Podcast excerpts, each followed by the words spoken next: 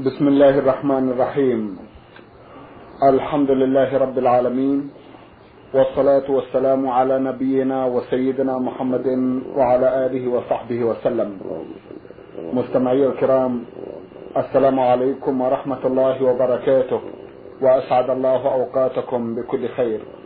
هذه حلقة جديدة مع رسائلكم وقضاياكم في برنامج نور على الدرب. رسائلكم في هذه الحلقة نعرضها على سماحة الشيخ عبد العزيز بن عبد الله بن باز الرئيس العام لإدارات البحوث العلمية والإفتاء والدعوة والإرشاد.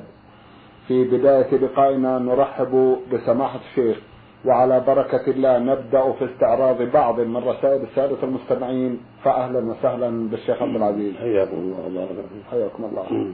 أولى قضايا هذه الحلقة شيخ عبد العزيز قضية تتعلق بالطلاق. صاحب القضية يقول طلقت ثلاث مرات. المرة الأولى وكانت الزوجة حامل. وراجعتها وهي عندي. وتمت المراجعة في نفس اليوم الذي كان فيه الطلاق. والمرة الثانية كانت حائض. وراجعتها أيضا في نفس اليوم وهي عندي وكان الطلاق مرتين. له منها الآن خمسة عيال وهي عنده في البيت. ويشكو من مرض يسيطر يسيطر عليه ويقول لو سئل عن حالته العقلية أثناء الطلاق لقال إنه مختل الشعور. يرجو من سماحة الشيخ إرشاده. جزاكم الله خيرا. بسم الله الرحمن الرحيم. الحمد لله. وصلى الله وسلم على رسول الله وعلى آله وأصحابه ومن اهتدى بهداه. أما بعد فإن الله سبحانه وتعالى شرع الطلاق لمصالح كثيرة. قد يحتاجها الزوج وقد تحتاجها الزوجة فمن نعمته سبحانه أن شرع الطلاق حيث قال جل وعلا الطلاق مرتان فإمساك بالمعروف أو تسبيح بالإحسان. الآية فإذا احتاج المسلم إلى الطلاق لكون المرأة لم تناسبه أو لأسباب أخرى تقتضي الطلاق شرع له أن يطلق طلقة واحدة فقط. هذا هو السنة طلقة واحدة فقط لأن قد يبدو له يراجع فإذا هو في سعة. فيطلق واحدة فقط في طهر لم يجامع فيه أو في حال الحمل. لقوله سبحانه يا أيها الذين طلقتم النساء فطلقوهن لعدتهن. قال علماء التفسير معناه طاهرات من غير جماع يعني في حال الطهر من حيض أو نفاس وقبل أن يمسها أو في حال الحمل كما ثبت في الصحيح من حديث ابن عمر رضي الله تعالى عنهما أن النبي صلى الله عليه وسلم قال له لما طلق امرأته وهي حائض راجعها. ثم أمسكها حتى تطهر ثم تحيض ثم تطهر. ثم إن شئت طلقها قبل أن تمسها. فتلك العدة التي أمر الله أن تطلق لها النساء. وفي لفظ قال ثم يطلقها طاهرا أو حاملا. فهذا هو المشروع. نعم. أن يطلق الزوج امرأته إذا احتاج إلى ذلك طلقة واحدة في إحدى حالين. إما في حال كونها حاملة أو في حال كونها طاهرة في طهر لم يجامعها فيه وهي حائل. هذا هو الطلاق الشرعي. ويكره أن يطلق اثنتين من دون حاجة بل يطلق واحدة فقط. ولا يجوز له يطلقها في حال الحيض ولا في حال النفاس ولا في حال طهر جامعها فيه.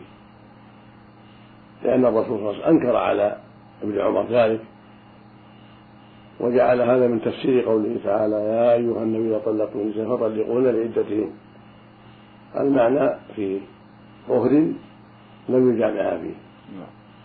فعلم بهذا أن أن الطلاق في حيض أو نفاس أو في طهر جامع فيه يخالف نص الآية الكريمة ويخالف التعليم النبوي الذي وجهه صلى الله عليه وسلم لابن عمر وهو للأمة كلها. لأن تعليمه صلى الله عليه وسلم للواحد تعليم الأمة كلها. ثم اختلف العلماء في وقوعه. هل يقع إذا كان في حال لا يشرع فيها كالحيض والنفاس والطهر الذي جامع فيه؟ فذهب جمهور أهل العلم وأكثرهم إلى أنه يقع مع الاسم يأثم الزوج. ويقع الطلاق وذهب جمع من أهل العلم إلى أنه لا يقع لأنه طلاق غير مشروع فلا يقع. لقول النبي صلى الله عليه وسلم من عمل عملا ليس عليه أمرنا فهو رد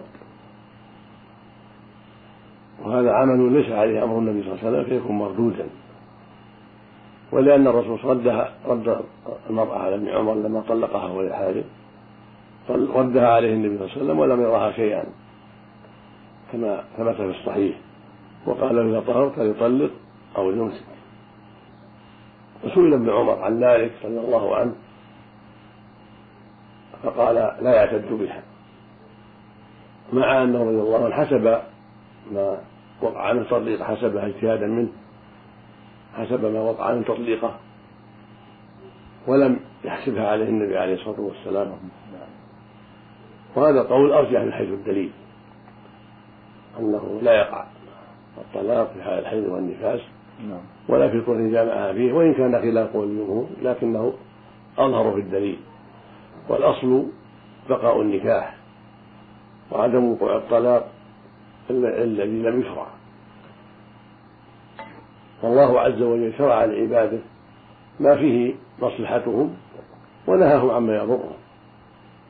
ولا ريب أن وقوع الطلاق في حال الحيض والنفاس وفي الطهر الجامعة فيه يضر الزوج ويضر المرأة في الغالب. فكان من محاسن الإسلام ومن رحمة الله عز وجل القول بأنه لا يقع؟ قال من لم يوقعه ومما يؤيد ذلك أن الإنسان في حال في حال كون امرأة حائضا أو نفساء يسهل عليه الطلاق لأنها لا تصلح للجماع وممنوع من جماعها فيسهل عليه الطلاق. وهكذا إذا كان قد قضى وطره وجامعها يسهل عليه الطلاق. فمن رحمة الله أن منعه من ذلك وحرم عليه ذلك. فمتى أقدم على التحريم لم يقع منه ذلك. لكونه خلاف أمر الله. وهذا السائل نعم. طلق الأولى وهي حامل. فلا فالطلاق واقع. لأن يعني الطلاق الحامل أمر مشروع. طيب. أما الطلاق الثاني إذا كان في الحيض نعم. باتفاقهما واعترافهما جميعا فإنه لا يقع على الصحيح. إلا يحكم حاكم بذلك فإن حكم حاكم بوقوعه وقع لأن حكم الحاكم يرفع الخلاف. وإذا حكم حاكم ممن يرى إيقاع الطلاق كما هو قول الجمهور فحكم عليه بوقوع الطلاق فإنه يرتفع الخلاف ويقع الطلاق وينفذ وليس للمفتي ليس لأي مفت أن ينقض ذلك لأن المسألة خلافية نعم. يسلق فيها الاجتهاد طيب. أما كونه مخلال الشعور فهذا يحتاج إلى أن يستفتي قاضي بلده. إذا وقع عنه شيء نعم.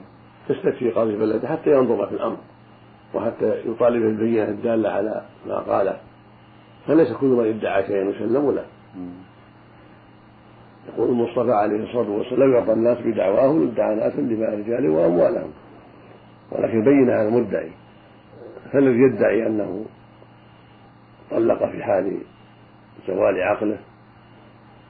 يطالب بالبينة على ما قال. فإذا ثبت ذلك لم يقع الطلاق. وإذا أقرت الزوجة بأنه وقع منه في حال غير شعورية نعم. كالذي كالسكران الذي طلق في حال غيبوبة عقله بتعاطيه ما حرم الله. نعم. فالصحيح أنه لا يقع كالمجنون. ولو كان آثما فإن الآثم عليه التوبة إلى الله. وعلى ولي الأمر أن يقيم عليه الحد إذا رفع إلى ولي الأمر. وليس من عقوبة السكران إيقاع الطلاق. فالصواب الذي عليه المحققون من العلم. وبه أفتى الخليفة الرافع عثمان رضي الله عنه أن طلاق السكران الذي قد فقد عقله لا يقع. حتى لو كان ولو كان آثما. أما غير الآثم فلا يقع عند الجميع. نعم. كالمجنون. ولو أن إنسانا سقي ما يسكره ويغير عقله بغير علمه أو أجبر عليه وأكره عليه لم يقع طلاقه عند أهل العلم. وإنما خلاف من شرب السكر عمدا. فهذا هو محل الخلاف. فهو آثم ويجب أن يقام عليه الحد إذا رفع على السلطان ولكن لا يقع الطلاق إذا كان في حال الطلاق فاقد العقل. كالمأكوه والمجنون. والله المستعان. نعم جزاكم الله خيرا. آه، سماحة الشيخ إذا أذنتم لي أسأل بعض الأسئلة هل يلزم المطلق أن يشهد أحدا على طلاقه وعلى رجعته أو يبقى ذلك بينه وبين زوجته وبين نفسه؟ السنة يشهد. نعم. لقوله تعالى وأشهدوا لو يعلمكم وأقيموا الشهادة له السنة يشهد شاهدين لأن الله جل وعلا قال في سورة الطلاق وأشهدوا لو يعدل منكم قال بعض أهل العلم المراد به الطلاق وقال بعضهم المراد به الرجعة. ولا مانع من كون الآية في الأمرين جميعا. نعم. فيشهد على طلاقها ويشهد على رجعتها. فإذا طلق أشهد حتى لا ينكر ذلك لأن الشيطان قد يزين له الإنكار. فإذا أشهد كان هذا من أسباب السلامة والعافية من طاعة الشيطان في إنكار الطلاق. وهكذا الرجعة. عليه يشهد على رجعتها. لأن قد يتأخر في إبلاغ الزوجة. فيكون الشهود بينة له تعينه على حصول المطلوب من الرجعة. المقصود أنه يشهد على الطلاق والرجعة هذا هو المشروع. نعم. نعم. ومن لم يفعل هذا فعليه أن الطلاق واقع. الطلاق واقع. وعليه أن يتدارك. والرجعة صحيحة إذا رجعها في العدة. نعم. وأخبرها بذلك وله لم يشهد صحة الرجعة أي نعم. لكن عليه قال وبعولتهن أحق بردهن في ذلك إن أرادوا إصلاحها. طيب. ولم يقل بشرط كذا وكذا. نعم طيب. لكن عليه أن يتدارك الكتابة أو ليس عليه ذلك؟ لا يلزمه لا يظهر لكن لو فعل نعم. امتثال الأمر واحتياطا حسن طيب. نعم. طيب. نعم. الرسالة التالية أيضا عن موضوع الطلاق. وباعثتها إحدى الأخوات أشارت إلى نفسها بقولها بنت فلان وبعثت رسالها رسالتها بهذا البريد الذي يسمونه البريد الممتاز. تقول السلام عليكم ورحمة الله وبركاته. أرجو عرض رسالتي على سماحة الشيخ عبد العزيز بن باز. تقول إنها فتاة متزوجة وحصل بيني وبين زوجي طلاق للمرة الأخيرة. ثم سأل وأفتوه بأنه يجوز الطلاق. بأنه يجوز والطلاق لم يصح. هكذا تعبر سماحة الشيخ. نعم. لأنه في حالة غضب. ورجعت مع زوجي واستمرت الحياة بيننا لمدة سنة. ثم عرفت أن الذي يفقد وعيه طلاقه لا يصح وزوجي لم يفقد وعيه.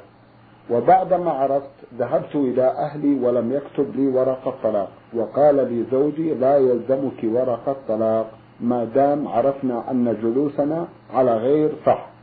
ثم قال لي إذا أراد الله ثم تزوجت وطلق و وتطلقت سوف أراجعك. وحصل أن تزوجت فعلا وطلقت من زوجها الأخير واسترجعها.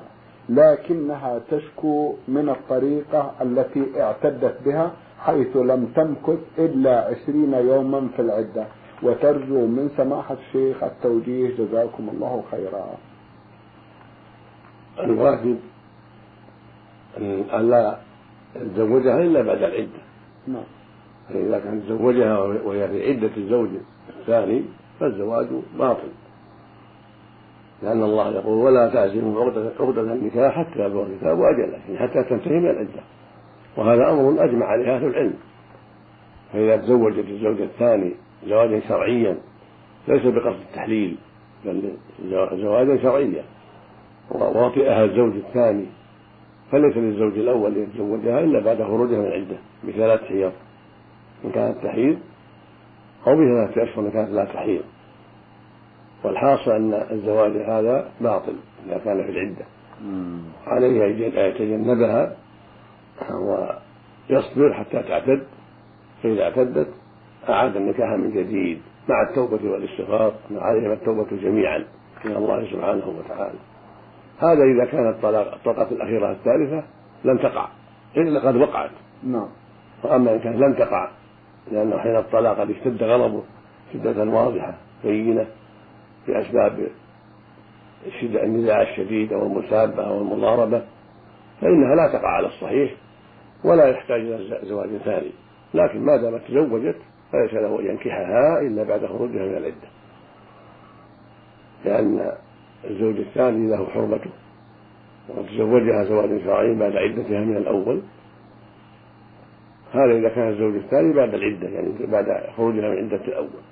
فإن زواجه حينئذ صحيح إذا كان ليس بقصد التحليل بل عن رغبة فإنه ثم وطئها أيضا فإنها تحل الأول على القول بوقوع الطلقة الثالثة فإنها تحل له إذا انتهت من العدة.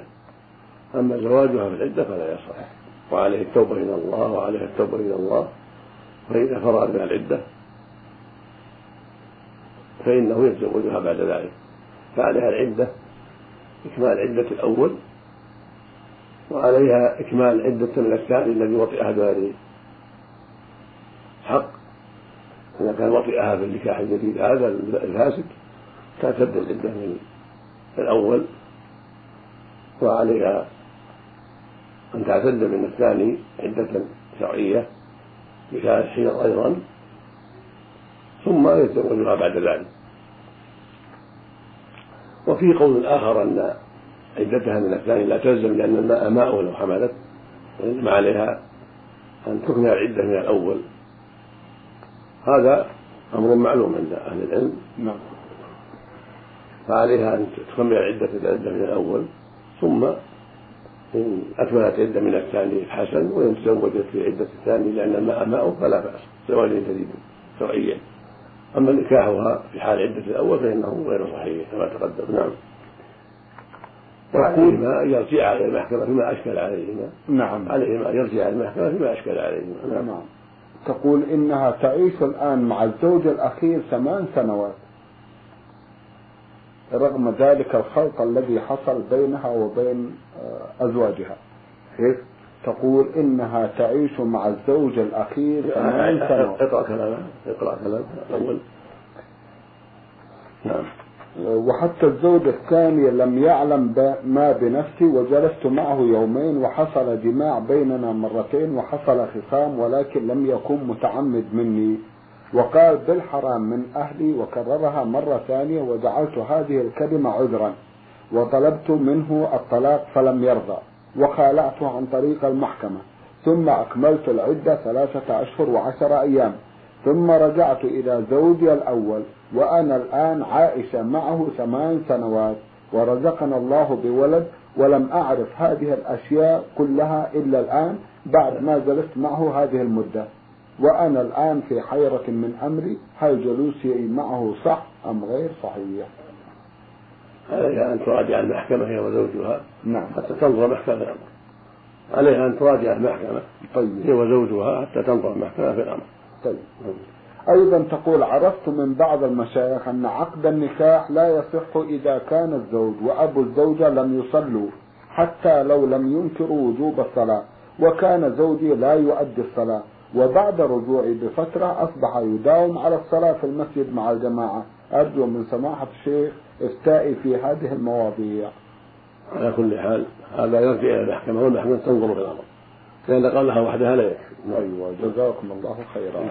إذا ننتقل إلى رسائل أخرى. نعم.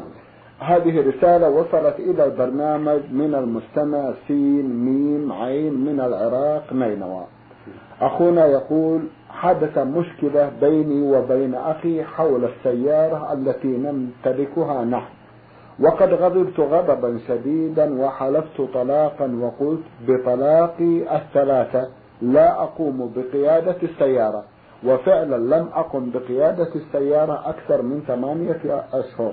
ونتيجة للظروف التي يمر بها أخي حيث لا يستطيع هو قيادة السيارة فما هو الواجب الذي يجب أن أعمله أنا؟ هل نقوم ببيع هذه السيارة ونشتري سيارة أخرى لا أقوم بقيادتها أنا أم أقوم بقيادة السيارة نفسها وما هو حكم الطلاق بالنسبة لي في هذه الحالة؟ فائدة فائدة أخونا يقول حدث مشكلة بيني وبين أخي حول السيارة التي نمتلكها نحن وقد غضبت غضبا شديدا وحلفت طلاقا وقلت بطلاقي الثلاثة لا أقوم بقيادة السيارة. وفعلا لم أقم بقيادة السيارة أكثر من ثمانية أشهر ونتيجة للظروف التي يمر بها أخي حيث لا يستطيع هو قيادة السيارة فما هو الواجب الذي يجب أن أعمله أنا؟ هل نقوم ببيع هذه السيارة ونشتري سيارة أخرى لا أقوم بقيادتها أنا أم أقوم بقيادة السيارة نفسها؟ وما هو حكم الطلاق بالنسبة لي في هذه الحالة؟ إذا كان المطلق إذا كنت أيها السائل المطلق إنما أردت منع نفسك من قيادة السيارة ولم تريد إيقاع الطلاق وإنما أردت منع نفسك من قيادة السيارة غضبا على أخيك فإن عليك كفارة يمين ولا حرج أن تقود السيارة. وهذا يكون حكم اليمين في أصح قولي العلماء. فعليك كفارة يمين وهي إطعام عشرة مساكين أو كسوتهم لكل مسكين نصف صاع من قوت البلد. وهو كيلو ونصف تقريبا أو كسوة العشرة مما يجزئهم في الصلاة. أما إن كان قصدك إيقاع الطلاق إن سقتها فإنها إيقاع الطلاق فإنك إذا سقتها يقع طلقة واحدة على زوجتك ولك مراجعتها ما كانت في العدة في الحال. إذا كنت لن تطلقها قبل هذا طلقتين أما بيع السيارة وعدم بيع السيارة فهذا يرجع إليكما لكما أن تبيعها ولكما أن تركها. لكن إن كان قصدك هذه السيارة بعينها فإذا بيعت لك أن تقود غيرها ولا يقع شيء. أما إن كان قصدك ترك مساعدة أخيك لا في هذه السيارة ولا في غيرها وأنك تريد ألا تسوق معه سيارة وألا تخدمه في هذا الشيء فلا فرق بين هذه السيارة وغيرها. ولا تنحل اليمين ببيعها. حتى السيارة الأخرى إذا جاءت ليس لك أن تقودها لأنك قصدت بذلك مغاضبة أخيك وهجران مساعدته. فإذا قدت السيارة الثانية فهي كالأولى إن كنت أردت إيقاع الطلاق وقع الطلاق وإن كنت لم تريد ذلك وإنما أردت آه، هجران أخيك وعدم مساعدته في هذا الشيء فعليك كفارة اليمين كما تقدم. نعم. من الأمارات العربية المتحدة. هذه رسالة بعثها أحد الإخوة المستمعين يقول أحمد جليدان. أخونا يسأل مجموعة من الأسئلة في سؤاله الأول يقول إذا سهوت في صلاة نافلة مثل تحية المسجد أو بعض الرواتب أو في القيام أي التراويح في رمضان هل أسجد سجدتين للسهو أم لا يلزم ذلك لأنها نافلة؟ حكم النافلة كالفريضة إذا سهى المسلم في النافلة سهوا يقتضي سجود السهو فإنه يفعل ذلك في النافلة. فلو مثلا نسي سجدة من السجدات وقام يرجع ويأتي بالسجدة ثم يسجد السهو قبل أن يسلم ثم يسلم. وهكذا لو سلم ناسيا التحيات ثم ذكر فإنه يعود ويأتي بالتحيات ثم يسجد السهو ويسلم أو يسلم ويسجد سجدة السهو بعد السلام كل ذلك جائز. لأن حكمها حكم الفريضة في هذا الباب. نعم. نعم. ما حكم أكل لحم الخيل وأكل لحم الضبع؟ لحم الخيل حل. قد أذن فيه النبي عليه الصلاة والسلام. وهكذا الضبع حل بالنص عن النبي عليه الصلاة والسلام. فالخيل والضباع حل لنا. بخلاف الذئاب والأسود والنمور والكلاب هذه محرمة. وهكذا كل ذئاب من السباع كله محرم. ما عدا الضبع مستثنى بالنص. والخيل حل لنا بالنص عن النبي عليه الصلاة والسلام. كما ذكر جابر بن عبد الله الأنصاري رضي الله عنه قال نهى رسول الله لحوم الحمور الأهلية وأذن في لحوم الخيل. وقالت أسماء بنت أبي بكر رضي الله تعالى عنها نحرنا على عهد النبي صلى الله عليه وسلم فأكلناه ونحن في المدينة. متفق على صحته. فالحاصل أن الخيل حل لنا وهكذا الضبع حل على الصحيح. أما الحمر الأهلية المعروفة والبغال هذه محرمة. البغال والحمر محرمة. وهكذا السباع كالذئب والنمر والأسد والكلب والحر كل هذه محرمة. نعم. هل صلاة الجماعة واجبة أم سنة؟ وما هو تفسير قوله تعالى أعوذ بالله من الشيطان الرجيم وأقيموا الصلاة وأتوا الزكاة واركعوا وآتوا الزكاة واركعوا مع الراكعين وكثير من الناس يتساهلون في صلاة الجماعة وهم يسمعون النداء وقريبين من المسجد ما الحكم في هذا وهل تقبل صلاة من يسمع النداء ولم يذهب إلى المسجد؟ صلاة الجماعة فريضة. والواجب على من سمع النداء يجيب المؤذن. وليس له يصلي وحده ولا في البيت ولو جماعة في البيت ليس لهم ذلك. بل الواجب أن يصلوا مع المسلمين في مساجد في بيوت الله عز وجل. كما قال النبي الكريم عليه الصلاة والسلام من سمع النداء فلم يأتي فلا صلاة له إلا من عذر. وسأله عليه الصلاة والسلام رجل أعمى فقال يا رسول الله ليس لي قائد يلائمني مسجد فهل لي من رخصة أصلي في بيتي. فقال عليه الصلاة والسلام هل تسمع النداء بالصلاة قال نعم. قال فأجب خرجه مسلم صحيح. وفي الرواية الأخرى لا أجد لك رخصة. وثبت في الصحيحين عنه عليه الصلاة والسلام أنه أراد أنه هم أن يحرق على المدخلين بيوتهم. فدل ذلك على أن أداءها في المساجد مع المسلمين أمر مفترض وليس له أن يصلي وحده ولا في بيته بل بل عليه أن يشارك إخوانه المسلمين ويجيب المنادي. ومن ترك ذلك قد أشبه المنافقين في هذا العمل. قد اختلف العلماء رحمة الله عليهم يعني هل تصح صلاته؟ على قولين فالأكثرون على أنها تصح مع الإثم. وقال بعض أهل العلم أنها لا تصح. ويصلي وحده ويدع الجماعة. فالواجب على المؤمن أن يحذر التخلف وأن يصلي مع إخوانه المسلمين وأن يبتعد عن مشابهة المنافقين. والله المستعان. نعم. جزاكم الله خيرا. سماحة الشيخ في ختام هذا اللقاء أتوجه لكم بالشكر الجزيل بعد شكر الله سبحانه وتعالى.